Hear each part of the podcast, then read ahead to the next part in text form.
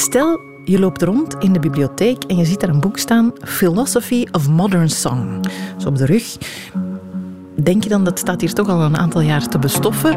Of kijk je verder naar de schrijver en dan staat daar Bob Dylan. En dan blijkt dat dat net uitgekomen is, dat boek. Dat verandert de zaak en dan neem je dat boek mee. Of dat was toch voor mij het geval. Ik zag dat staan in de lijst en ik dacht, daar wil ik het over hebben. En dat doe ik niet alleen. Ik heb het erover met onze collega en Bob Dylan extreme fan, zal ik hem maar noemen, Vincent Bilot. Dat allemaal vandaag in Voorproevers, de podcast. Voorproevers. Philosophy of Modern Song. Uh, niet zomaar een titel, nogal een grote titel. En hij is ook niet van Inder dat boek, wel van Bob Dylan dus. Um, onze collega en Bob Dylan-fan Vincent Bilot. Je hebt de ongetwijfeld ook gemerkt dat Bob Dylan niet houdt van een klein inleidingsje in zijn boek. Uh, je moet het gaan ontdekken als lezer wat het eigenlijk is. Hè? Wat, wat is het voor jou, dit boek? Dit zijn mijmeringen, bespiegelingen over zijn favoriete liedjes. Daar komt het denk ik op neer, want die filosofie uit de titel dat klinkt misschien toch wat pretentieus voor wat het eigenlijk maar is. Ik zou het in een academische bibliotheek gaan zoeken als ik puur op titel zou. Ja, het schrikt denk ik veel mensen ook af. Hè. Um, nu, in zijn geval denk ik dat het, dat het ook wel een beetje ironisch bedoeld is. Ik denk niet dat hij zichzelf echt de Aristoteles van de rock and roll waant of zo. Maar het zijn dus wel degelijk bespiegelingen over zijn, over zijn favoriete liedjes. Mm. En eigenlijk vind ik het een beetje een boekversie van zijn uh, Theme Time Radio Hour. Mhm. Ja, want dat uh, vergat ik nog daarnet te zeggen. Bob Dylan ook radiopresentator. Collega mogen we hem eigenlijk, noemen. Hè? Ja, ja, nee, inderdaad heeft uh, een, een, aantal jaren, van 2006 tot 2009 denk ik, wekelijks een radioshow online geplaatst waarin hij gewoon ook uh, zijn favoriete liedjes aan elkaar praten. Elke week wel rond een centraal thema. Een soort de zomer van, laat ons zeggen. ja, misschien moeten we hem vervolgen. Uh, heeft hij ons idee gestolen. Maar uh, ja, daarvan is, het, is het boek nu een soort van uitgeschreven versie bijna. Eigenlijk. Ja. Zo zou je het een beetje kunnen bekijken. Zo eens luisteren hoe het klonk op de radio. It's Theme Time Radio Hour with your host Bob Dylan. Hello friends and welcome back to Theme Time Radio Hour. I'm your host Bob Dylan. Recently, I met some distillers and blenders, and together we cooked up our own brand of Tennessee bourbon, double barrel, and straight rye whiskey. Maybe you've read about it. It's called Heaven's Door. Now, I'm not going to pull your coat too much about it, because me telling you how good it is is like trying to tickle yourself. It just doesn't work. You have to taste it, then it speaks for itself. But we all thought it might be a good idea to do an episode of Theme Time all about whiskey. Ja, en dan een uur liedjes over whisky. Je hoort meteen, hij maakt nu wel reclame voor zijn eigen whisky, mm -hmm. maar hij doet het dan wel als een Nobelprijswinnaar. Ja, toch wel, hè? Ja. ja. ja, ja en inderdaad, ik die jou vertel hoe goed het is, is een beetje zoals je zelf proberen te kietelen. Dat werkt niet. Nee. Een onderschat humorist ook, vind ik, Bob Dylan. Ja, ja, ja, dat zal nog blijken, denk ik, eh, in het komende uur. Die mijmeringen zelf, dat gaat een beetje alle kanten op. Soms is het een vertelling van dit is wat ik hoor in dat liedje. Soms mm -hmm. is het geschiedenis. De, de, uh, wat zijn dan de, is dat, interesseert jou dat allemaal evenveel? Of ben jij dan degene die voor de weetjes gaat? Of voor, is dit misschien wat Bob Dylan over zichzelf wil zeggen? Ja, dat laatste, dat ja, dat probeer je sowieso wel een beetje als je fan bent, om, om uh, tussen de lijnen toch een klein beetje te lezen hoe Bob Dylan in elkaar zit, hoe hij tegen de wereld aankijkt. En dat krijg je ook wel een klein beetje gaandeweg wel ook te lezen. Als je hem een beetje kent, kun je soms hier en daar wel iets afleiden. Al is het zeker geen persoonlijk boek. Uh, ik denk dat er geen enkele zin is in de ik-persoon, bijvoorbeeld. Hmm. Dus uh, echt heel veel weggeven over zichzelf doet hij niet. Nee, het is niet van dit, dit nummer hier heb ik voor het eerst op gezoend met een meisje. Wat nee, dat zou Bob Dylan Dylan nu eens echt nooit schrijven, dat soort, nee. uh, dat soort karamelle uh, zinnen. Nee, nee, echt uh, sowieso Ik zeg niet. niet dat hij het zo moet schrijven, maar hij zou wel het verhaal kunnen vertellen. Of ook dat niet? Nee, nee, nee. je komt echt over, over Dylan zelf heel weinig te weten. Of hij heeft zeker niet de bedoeling gehad om iets over zichzelf te schrijven in het boek. Al kun je zoals ik al zei, door de, door de regels soms wel, wel, wel iets vermoeden van, van hoe hij denkt of tegen de dingen aankijkt. Maar um, eigenlijk zijn het dus 66 essays over 66 popliedjes, die telkens onderverdeeld zijn in, in twee hoofdstukjes eigenlijk. In het eerste probeert hij ja, dat nummer een beetje over te brengen waar het, waar het over gaat. Probeert hij zich vaak ook te verplaatsen in, de, in het personage of de ik-persoon van het liedje, of de, de songschrijver. En dan in het tweede deel gaat hij er wat dieper op in. En inderdaad, dan, dan schiet het eigenlijk echt alle kanten uit. Hè. Soms probeert hij dat, dat nummer muzikaal te ontleden om uit te leggen waarom het zo goed werkt. Uh, soms uh, ontrafelt hij de ontstaansgeschiedenis van dat, uh, van dat nummer.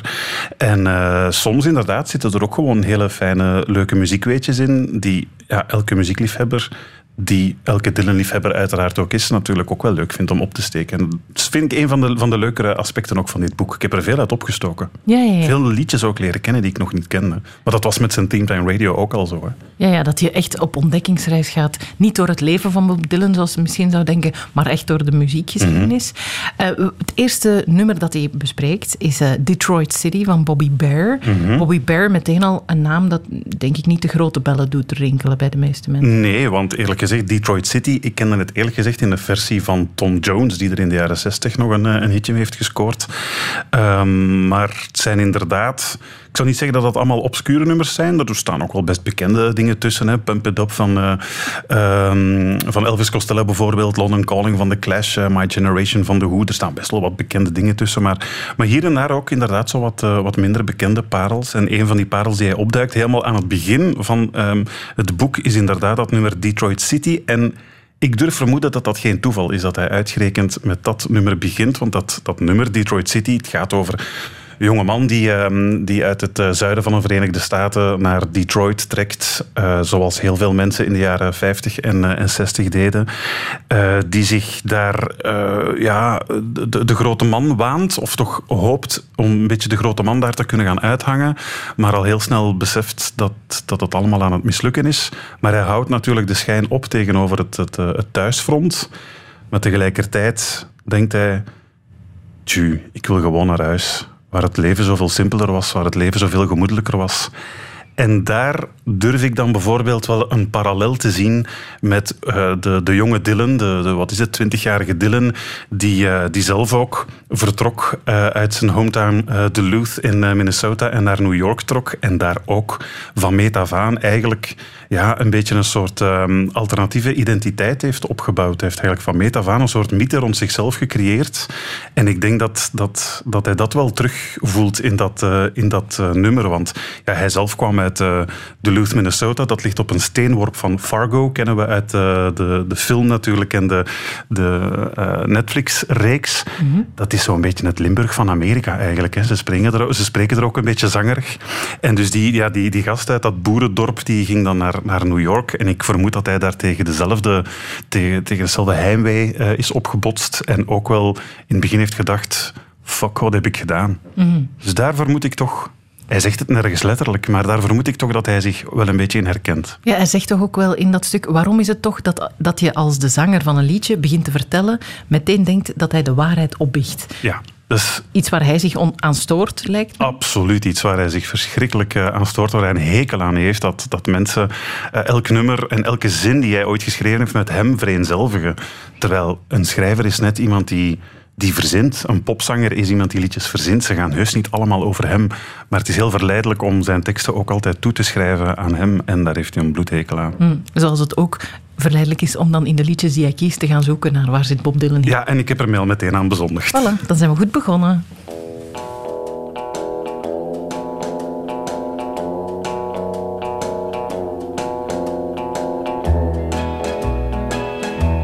I wanna go home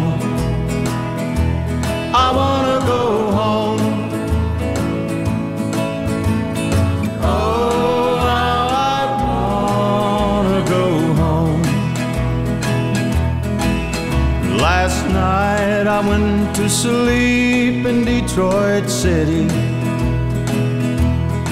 And I dreamed about those cotton fields and home.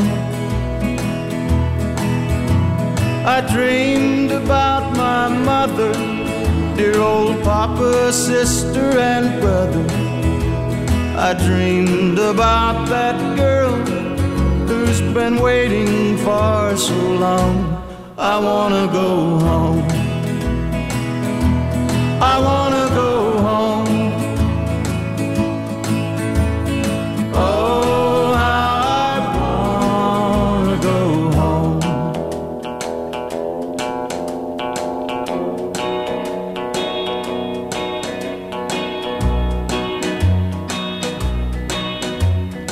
Home folks think I'm big in Detroit City.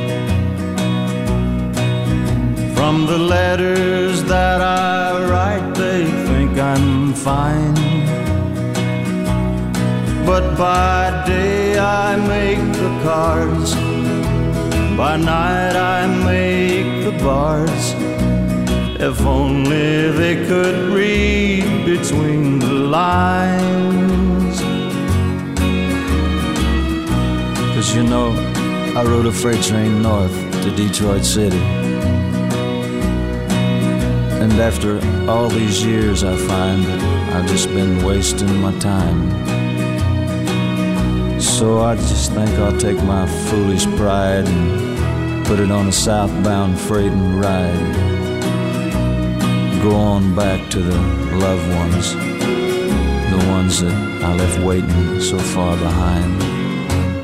I wanna go home. I wanna go home.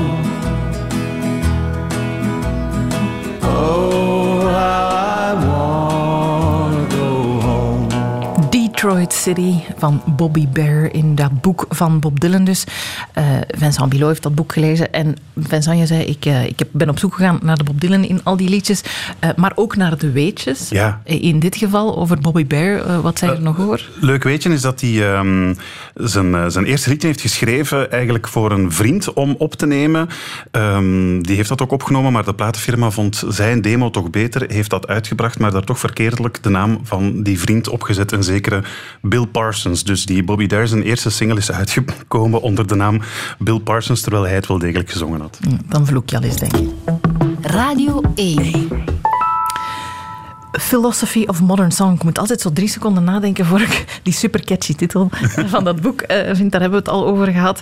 Eh Vincent, ik moet zeggen, ik, ehm, ik wist niet waar ik aan toe was toen ik eraan begon. En ik moest wel even zoeken, want we hadden dan dat verhaal van eh, Bobby Bear. En dan krijg je een prent van eh, iemand die zijn fietsband aan het oppompen is, een soort tekening. En dan gaat het over Pump It Up van Elvis Costello. Ja, Het is wat zoeken. Ja, ja, dat is waar. Ik weet ook niet of, of, of Dylan zelf verantwoordelijk is voor al die illustraties. Want veel, hè, veel foto's. Heel veel, heel veel foto's, eigenlijk opvallend veel foto's. En je vraagt soms ook af, wat, is hier nu eigenlijk de meerwaarde? Want er staan zo, zo links en rechts wel wat iconische foto's van de artiesten waarover het dan gaat. Maar inderdaad soms ook gewoon hele lullige associatieve illustraties. Maar ik vermoed dat het een dik boek moest worden, zeker. Want zo heel veel tekst is het ook niet eigenlijk. Het valt wel mee. hè. Het zijn Ja. korte stukjes allemaal. Het zal een koffietafelboek moeten Mm, worden, ja. eh, zijn. Ehm, eh, de cover moeten we het dan ook over hebben als het Ah, over een, eh, een koffietafelboek gaat. Daarop zien we drie mensen, Mhm. waarvan je sommige misschien wel herkent, maar ook niet allemaal. Nee, wacht. eh, ik denk links staat... eh, dus het zijn drie mensen inderdaad. Links staat eh, Little Richard. Eh, rechts... Wacht, wie staat? Maar ik heb het hier Eddie niet voor Cochran? mij. Eh, eh, ja, Eddie Cochran. En dan in het midden een figuur die ik nog nooit gezien had. En, en jij ook niet. Nee, ik ook niet. Een vrouw. Een, want je een vrouw, denkt- maar ze ziet er... eh, je zou Een be- eerst gezegd bijna kunnen zeggen dat dat een jongen is. Hè? Ja, het is een soort eh, Elvis met achteruitgekamde haren. Ja. Ehm, eh, Alice Leslie blijkt het dan te zijn. maar ook wel opvallend, in het boek zelf geen woord over. Een woord erover. Het is heel raar. Ja. Waarom heeft hij ex- ja, specifiek daarvoor gekozen?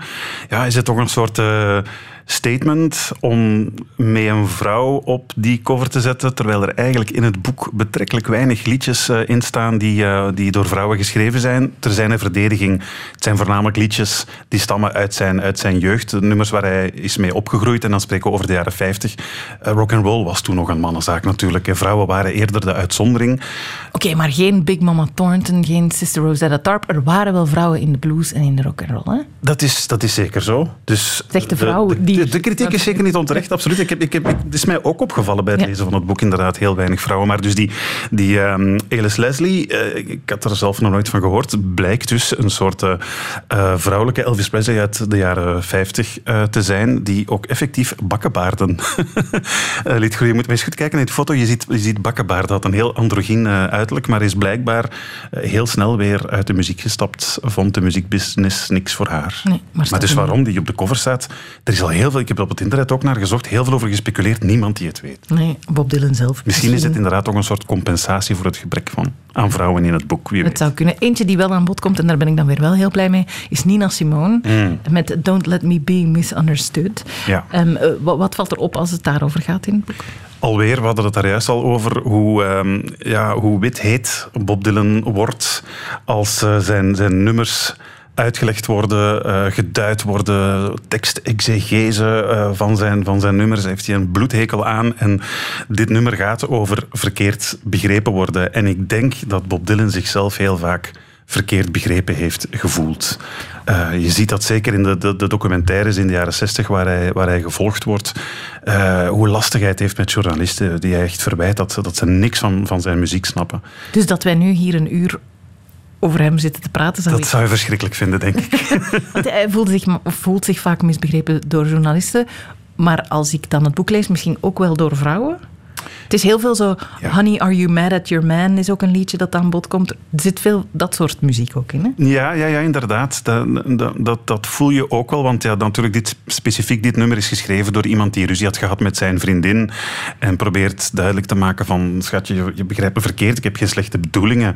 Ehm, en ik, ja, je voelt ergens wel dat, dat ook dat thema misschien wel iets is wat hem, wat hem aanspreekt. Hij alludeert daar ook wel een klein beetje eh, op. En ik denk ook dat we redelijkerwijze mogen ervan uitgaan dat Bob Dylan ook geen gemakkelijke mens is om mee, om mee samen te zijn. Nee. Dus dat, eh, dat, dat zit er zeker in. Maar het gaat, hem, het gaat hem echt over die frustratie. Want dat voel je wel ook als hij dat nummer dus evokeert in het eerste gedeelte. Ja, hoe vaak hij daar eigenlijk hetzelfde zegt. Ik word woedend als mensen mij verkeerd begrijpen of mijn woorden verdraaien. Ook dat, dat is ja, iets waar, waar hij echt eh, heel, eh, heel kwaad over wordt. Maar dan in het tweede gedeelte, en dan wordt het raar. Je hebt het ook gelezen, denk ik, hè, Annelies? Ja, hij is dan ongelooflijk in... Dan is hij echt een radiopresentator. Hij is de meester van het rare bruggetje. Ja, zelfs zonder bruggen. Het is gewoon een vrije associatie waarbij hink, hinkstapspringend eh, over, eh, over het water gaat in de plaats van de brug te nemen. Dat is- Ja, ja. Zo zou je het kunnen zeggen. Maar dat tweede gedeelte wordt dan eigenlijk, en daar wordt het wel een beetje filosofisch, als we dan de, de titel van het boek even in ogenschouw nemen, eh, daar wordt het dan een soort eh, bespiegeling over eh, taalbarrières. Ja, want hij begint bij de openingszin van L'étranger van, Ja, van Camus. Camus. Dan gaat het naar het Esperanto. Ja. En dan gaat het naar een specifieke moordzaak waar iemand zei: Let him have it, Chris. En die bedoelde: geef je geweer af, let, it- let the police have your gun. Ja. Maar ze hebben dat dan begrepen als: schiet, schiet die maar neer. Ja, en dat, dat dus allemaal op, op, een, op een paar pagina's tijd, dat soort associaties. En dan, dan, dan eindigt die met, eh, met de opmerking: kunst kan worden gewaardeerd of geïnterpreteerd, maar er is zelden iets wat kan worden begrepen.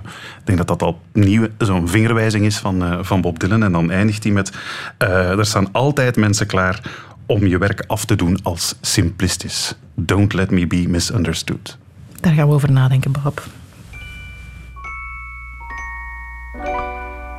Baby, you understand me now. If sometimes you see that I'm mad,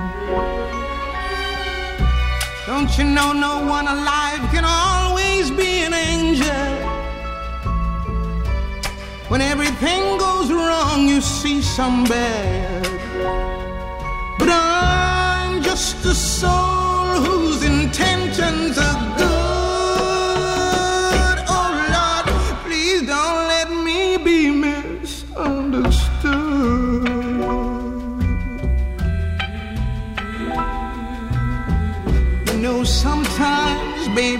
so carefree with a joy that's hard to hide. And then sometimes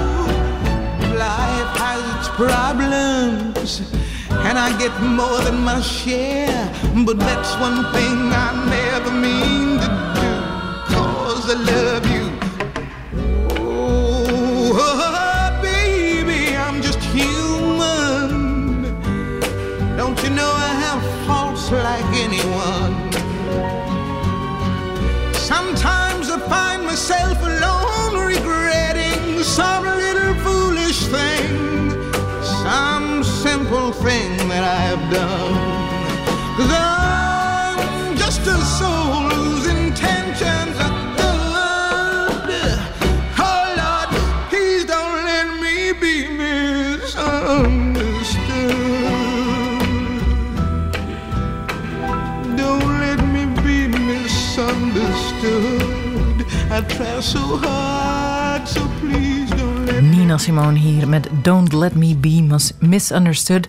En dat mogen we dan toch wel concluderen dat Bob Dylan dat ook niet leuk vindt als hij misunderstood wordt. Voorproevers. Radio 1. We hebben het over zijn nieuwe boek Philosophy of Modern Song met Vincent Bilot. Vincent, ehm, het varieert wat. Hè. We zijn het al, het gaat wat alle kanten uit wat hij schrijft. Soms is het lang, soms is het heel kort. Maar in het geval van het volgende nummer mag ik het een tirade noemen dat hij Ja. afsteekt. Hè? Dat is waar. Het is echt... Ik dacht een paar keer tijdens het lezen... Are you all right, Bob? Ja, ja, ja ik, ik eigenlijk ook. Ik, ik heb daar echt met verbazing naar zitten, naar zitten kijken, naar die tekst. Want inderdaad, de meeste nummers worden behandeld in, in één, twee pagina's. En, en hier trekt hij maar echt pagina's lang van leerreizen. Plots zit hij echt op een stokpaardje. En het is niet dat hij dan Elvis Presley of zo bespreekt met Nee. een van zijn absolute hoogtepunten. Nee, het gaat over Johnny Taylor en Cheaper to Keeper. Ja, Cheaper to Keeper, heel leuk eh, nummer waarin de zanger eh, overweegt om eh, uiteen te gaan met zijn vrouw, maar zich dan bedenkt uiteindelijk it's cheaper to keep her, want uit elkaar gaan, eh, dat, dat kost toch vaak wel een duit en ik ga er alleen maar armer van worden. En dat is dus voor Bob Dylan een aanleiding maar om dus echt maar pagina's lang ehm, bijna op kruisvaart te trekken tegen de echtscheidingsadvocaat. Ja, hij staat echt zo op een bierkrat te schreeuwen. Alsof, ja, alsof hij iedereen wil overtuigen dat advocaten zijn echt des duivels. En Ja, ja, vooral de echtscheidingsadvocaten. Ja, ja, absoluut. Want hij, hij- hij- hij noteert hier bijvoorbeeld... ehm, er wordt jaarlijks 10 miljard dollar verdiend aan echtscheidingen. Het zijn dus echt absolute geldwolven die dus geld verdienen op de kap van mensen wiens relatie helaas eh, in, het, eh, in het water is gevallen. Hij noemt ze zwendelaars die zelf niets op het spel zetten, maar wel bakken geld binnenhalen. Eh, hoeveel echtscheidingsadvocaten, vraagt hij zich af, zijn medeplichtig aan dit verraad tussen twee ogenschijnlijk beschaafde mensen? Het eerlijke antwoord is allemaal. Hij, hij- hij beschuldigt ze zelf dat ze verantwoordelijk zijn voor, eh, voor zelfmoorden onder tieners en voor seriemoordenaars. Hij gaat echt, gaat echt ver. Ja, Ja. Hij, gaat echt, hij gaat echt verder, kleeft bloed aan de handen van die mensen. Hij vindt dat echt de, de, de ergste, ergste mensensoort die er bestaat. Nu, Bob Dylan is bij mijn weten maar twee keer getrouwd geweest. Ik zeg bij mijn weten, want er is heel weinig bekend over zijn, eh, over zijn persoonlijke leven. Zijn tweede huwelijk van 1986 tot 1992 is trouwens pas onthuld in een biografie ergens in de jaren 2000. Hij heeft dat al die tijd geheim kunnen houden. Dus wie weet is hij vaker getrouwd geweest. Maar, maar twee keer, maar die hebben duidelijk een hele diepe indruk nagelaten. En toch vooral de scheidingen. En ik denk heel veel alimentatie eh, gekost ook. Dat, Ja. dat, dat, dat voel je ook. Ja, daar gaat het ook over. Hè? Over Ja. eh, dan die alimentatie en over ook het, het eh, concept van het huwelijk op zich. Ja. Dat is, het is verminkt en uitgehold, verworven tot een spel van vitriol en verraad, waarin twee mensen proberen elkaar de loef af te steken. ja. Het is Blij worden. Even getrouwde, getrouwde mensen voelen zich bijna ook weer met het vingertje toch een beetje gewezen. Ja, ja, ja, ergens wel. Eh, ja, hij is heel, heel hard voor dat, eh, dat instituut eh, huwelijk. En uiteindelijk besluit hij zelfs, en dan valt je mond helemaal open van verbazing, uiteindelijk zegt hij, ehm, de, de enige variant die ertoe doet, daar heeft niemand het over, maar dat is het polygame huwelijk. En dan wordt het plots een pleidooi voor het polygame huwelijk. Want, zegt hij, waarom zou een man zich moeten beperken tot één vrouw? Waarom kan hij er niet meerdere? Het bestaat in zoveel culturen, daar is niks mis mee. En op het einde voegt hij er ook nog wel aan toe. Het omgekeerde mag natuurlijk ook. Vrouwen mogen ook meerdere mannen hebben. Maar ik durf mij toch de vraag stellen of Bob Dylan liever in een polygaam huwelijk alleen zit dan wel als eh, het vijfde wiel aan de wagen. Een biografie binnen twintig jaar zal het ongetwijfeld weten, weten Ja. te vertellen. Ehm, eh, ik was wat recensies aan het lezen en het woord misogyn durft daar al eens vallen. Ja. Als het in dit, dat zou wel eens aan dit stukje kunnen liggen. Ja. Ook, het gaat, op een moment gaat het, een stel zonder kinderen is geen gezin, dat zijn gewoon twee vrienden. Dan sluit je toch ook wel een ho- hoop eh, liefdesrelaties uit, denk, Ja, denk ik. pas op, hij, hij, hij noteert er ook wel bij dat hij het goed vindt dat ondertussen ook eh eh, homohuwelijk en zo mogelijk is gemaakt. Dus ik zou hem nu ook niet ervan verdenken om, om zo conservatief te zijn, maar ehm, je, je voelt wel inderdaad dat hij, dat hij een beetje een oudbollig idee heeft van, van wat een, een gezin is. Mag ik nog één zin voorlezen? Ja. Ik moet mij een beetje inhouden, ik moet al een beetje lachen. En dat terwijl de duimschroeven toch al vanuit alle kanten worden aangedraaid. Fanatieke voorvechters van vrouwenrechten en feministische lobbyisten proberen de man op zijn plaats te zetten totdat hij als aangeschoten wild wegkruipt in zijn hol om de splinters van het verbrijzelde glazen plafond uit zijn huid te trekken. Ja. Nog een prijswinnaar weer, hè? Ja, en ik moet zeggen, ik weet ook niet wat ik daarvan moet denken.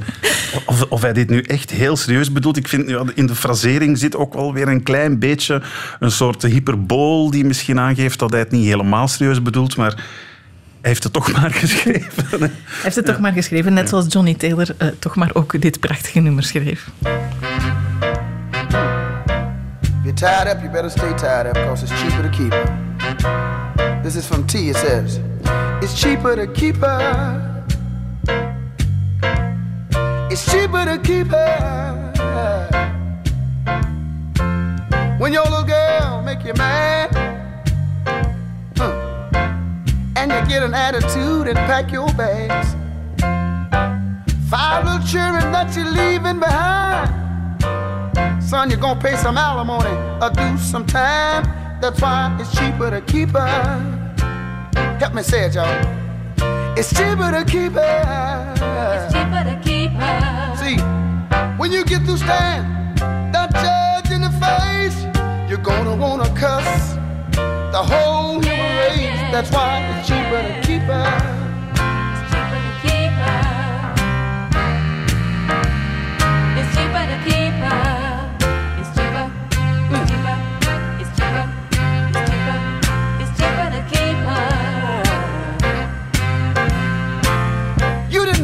Two dollars to bring the little girl home. Now you're about to pay two thousand to leave her alone. You see another woman out there and you wanna make a change. But she ain't gonna want you cause you won't have a damn thing. That's why it's cheaper to keep her. Everybody sing along with me. It's cheaper to keep her. It's Cheaper to keep her. By the time you get through looking that judge in the face, gonna wanna cuss the whole human race. That's why it's cheaper to keep her.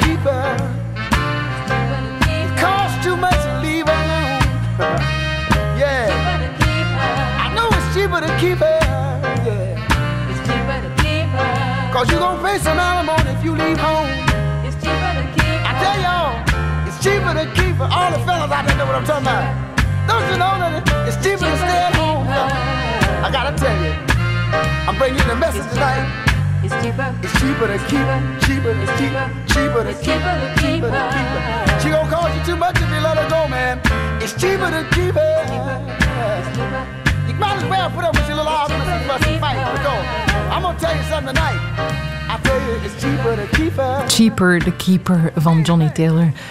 Fantastisch nummer. En een ontdekking in dat boek Philosophy of Modern Song. Want eh, we hebben nu al redelijk wat over de boze Bob Dylan eh, gepraat. Vincent.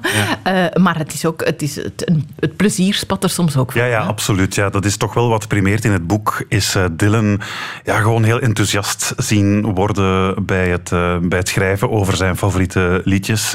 En als mooi tegenwicht voor die, die angry old man die we daarnet hebben neergezet, moeten we misschien toch ook zo meteen even Volare draaien van eh, Domenico eh, Modugno. Toch wel een opvallend nummer, vind ik, in deze reeks. Zeker. Ehm, je zou het niet meteen verwachten dat, dat Dylan dit een zo'n goed nummer vindt, maar hij vindt het echt fantastisch. En inderdaad, het plezier spat van de pagina's als hij het heeft over dat nummer. Hij schrijft echt eh, letterlijk, het is een soort utopia. hè. Je vindt, je vindt alles dolletjes en loopt op wolken. Je wordt high, je huppelt en dartelt. Kun je het voorstellen? Een huppelende en dartelende Bob Dylan. Die dolletjes, zeg Maar ik denk echt dat dit een nummer is dat, dat hem aan het dansen krijgt, waar hij zijn dansbeentjes voor durft eh, aan te trekken. En waar we dan toch het kind Bob Dylan misschien ook wel wat voelen. Want het gaat veel over zijn jeugd. Ehm, dan, dan past misschien net die frivoliteit daar wel. eh, Ja, wel absoluut. Een liedje schrijft hij dat zo boordevol emotie zit dat je hart uit elkaar barst. Waarop er dan ook nog eens een lofzang komt op het Italiaans en wat voor een fantastische taal dat is. En vanaf nu zal ik dat nummer dus nooit meer kunnen horen zonder er dus een huppelende en dartelende Bob Dylan bij te zien. Bij deze.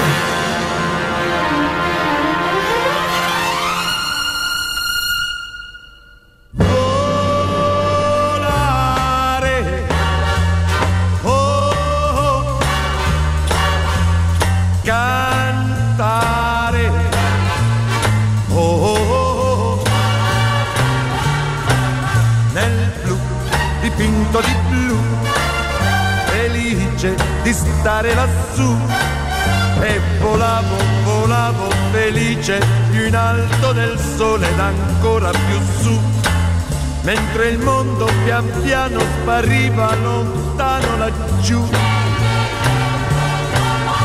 Una musica dolce suonava soltanto per me.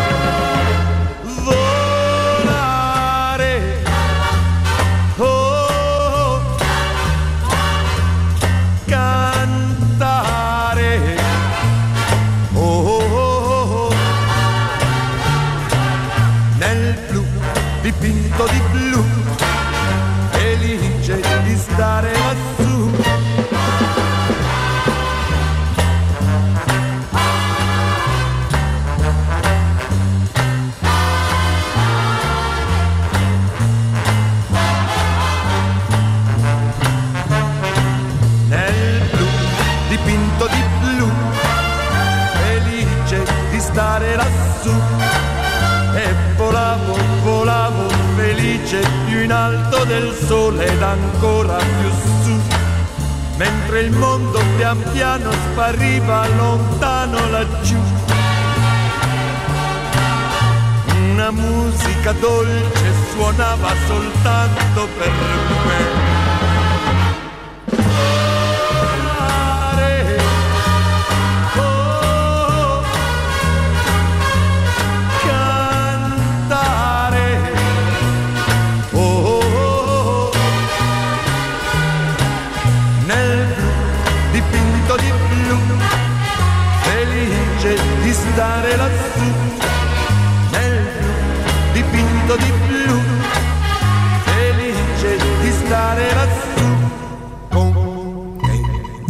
Domenico Modungo en Volare. Voorproevers. Radio 1. Jawel, je luistert nog steeds naar voorproevers over dat boek van Bob Dylan, Philosophy of Modern Song. Eh, Als je de modern song hoort, dan denk je, ah, dat gaat over alle moderne muziek. Maar het is toch vooral herkenbaar eh, voor mensen die jaren 50, 60... Voor oude sassas. Zeg het maar, Annelies. Nee, ja, nee, over mensen die al iets langer op de aardbol rondlopen eh, dan, dan ik dat doe. Ja. Eh, ik, ik, toen ik dan door had wat het opzet was, dacht ik ook, we zijn chronologisch. En dan keek ik bijna uit naar het einde van het boek. Wat zou Bob Dylan vinden van Snoop Dogg? Of van Taylor Swift? Die vraag is... ongetwijfeld ook een heel interessante mening over, maar hij deelt ze helaas niet in dit boek. Nee, het meest recente nummer is uit 2003 eh, van eh, Warren Zevon. Eh, Wat dan ook niet de meest Nee. 2003-achtige artiest is. Nee, dat is inderdaad geen grime rapper uit de UK. Nee, nee, nee. En, maar los daarvan is het wel een grote ontdekkingsreis. Want natuurlijk, als je al die jaren moet aandoen, dan kan je alleen maar wat bekende nummers doen. Mhm. Nu kunnen we wel in de diepte en in de bijzondere nummers, we hebben er al zo'n paar Ja, gehoord. want ik kan absoluut trouwens de ehm, Spotify-lijst eh, aanraden. Die bestaat van alle nummers die in dit boek eh, voorkomen. Ik, ik had ze nou, trouwens ook niet allemaal in de kast staan, die nummers dus, dus het was maar zo handig dat je ze kunt, eh, kunt horen. Dus een goede tip. En ja, ja, ik heb toch wel echt een aantal eh, nummers leren kennen die ik niet kende en die ik wel voor altijd ga koesteren. Ja. Van ook artiesten die je niet kende? Of ook van... Allebei. Ja. Maar evengoed ook nummers eh, die je niet kende van artiesten die je al wel kende. Zoals bijvoorbeeld The Temptations. Kennen we allemaal wel. Kennen we de meeste eh, hits wel van. Maar eh, Bob Dylan bespreekt het nummer Ball of Confusion. Zeker geen obscure parel, maar ik kende het eerlijk gezegd niet. En dat is nu werkelijk maar echt een fantastisch nummer.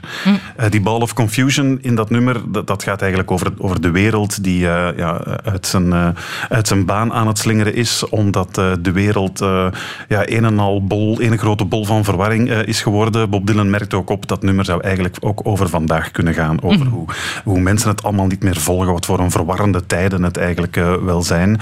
En ehm, ja, het is een fantastisch nummer. En ja, ik, ik zou het omschrijven als een nummer dat eigenlijk perfect op een, eh, op een Tarantino-soundtrack had kunnen staan. Hm, Ja, ja, zeker. En ik zei nu daarnet Snoop Dogg, het is ook, hij zegt het denk ik zelf ook in de tekst, een soort pre-rap. Het, is- Ja. het wordt ook op een heel bijzondere manier gezongen.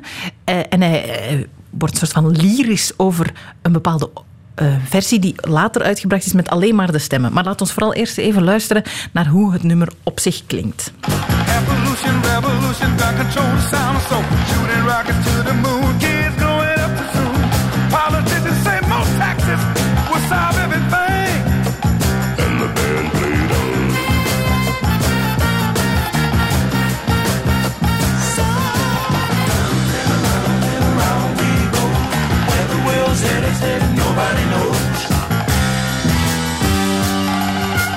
je, muzikaal, geniaal, Ja. fantastisch. Maar dan zegt Bob Dylan, ja, die band, het is wel goed, maar het zijn toch de stemmen die echt heel goed zijn. Dus doet die band maar eens weg. Now listen. Air pollution, revolution, gun control the sound so shooting rockets to the moon, kids growing up too soon. Politicians say more taxes will solve everything. And the band played on. En nu komt die prachtige harmonie. hè. Round and around and around we go. Where the world's headed, nobody knows. Pure doe-op. Ja, hij zegt, dat kan je alleen maar krijgen als je gewoon die mensen rond één microfoon zet en ze hun magie laten... Ja. Ja, hij heeft wel een voorkeur voor eh, dat soort close harmonies. Al zullen we dat van hem nooit krijgen, denk ik. Nee, het is misschien jaloezie. We zijn weer aan het invullen. maar eh, het is alleszins geniaal, hè? Absoluut. Zetten we het op? Zeker.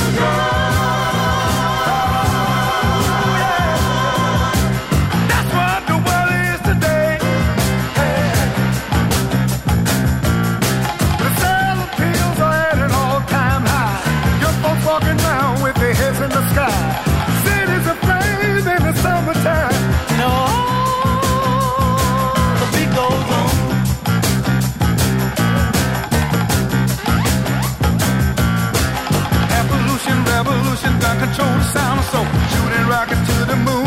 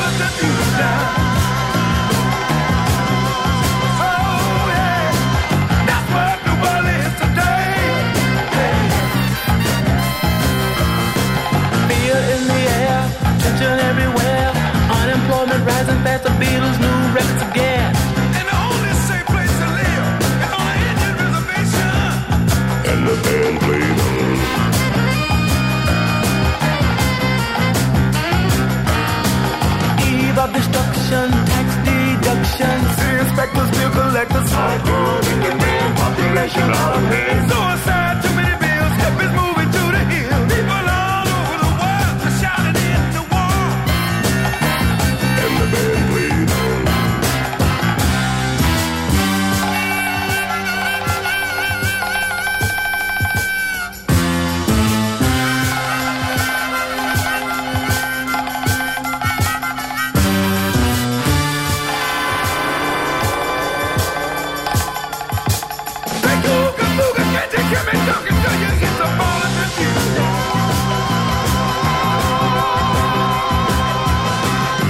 Temptations en Ball of Confusion. Er wordt eh, al lang gewacht op een nieuw deel eh, autobiografie van Bob Dylan. Dat is dit boek niet, dat is duidelijk. Philosophy of Modern Song. Maar we begonnen dit uur, Vincent Bilot, toch met de vraag... eh, leren we Bob Dylan wat beter kennen in dit boek? Een beetje wel. Hij heeft er duidelijk geen persoonlijk boek van willen maken.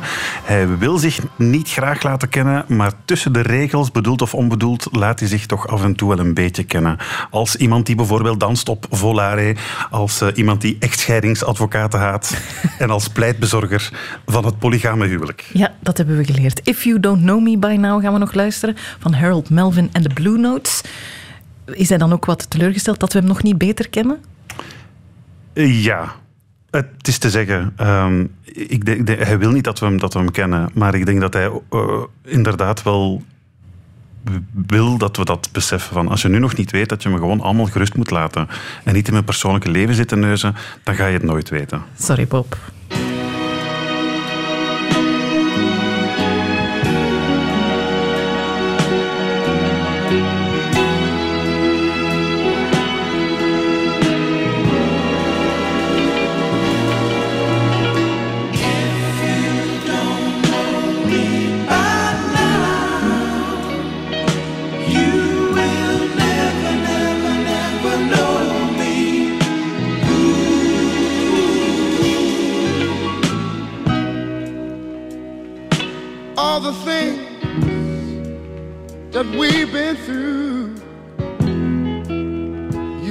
Understand me like I understand you.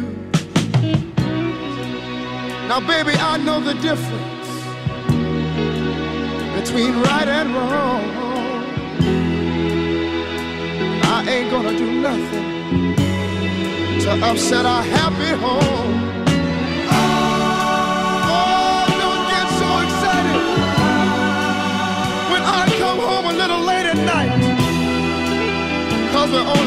Like children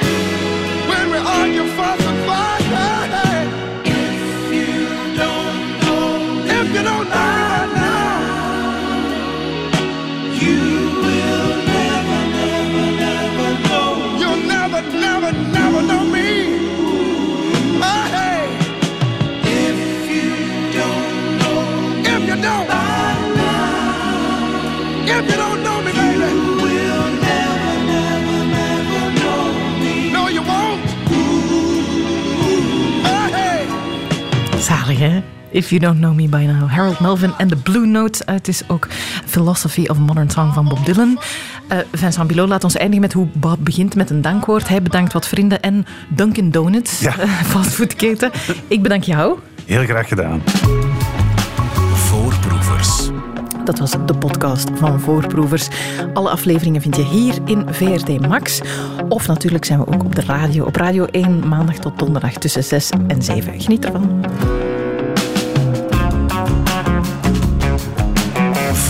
Voorproevers.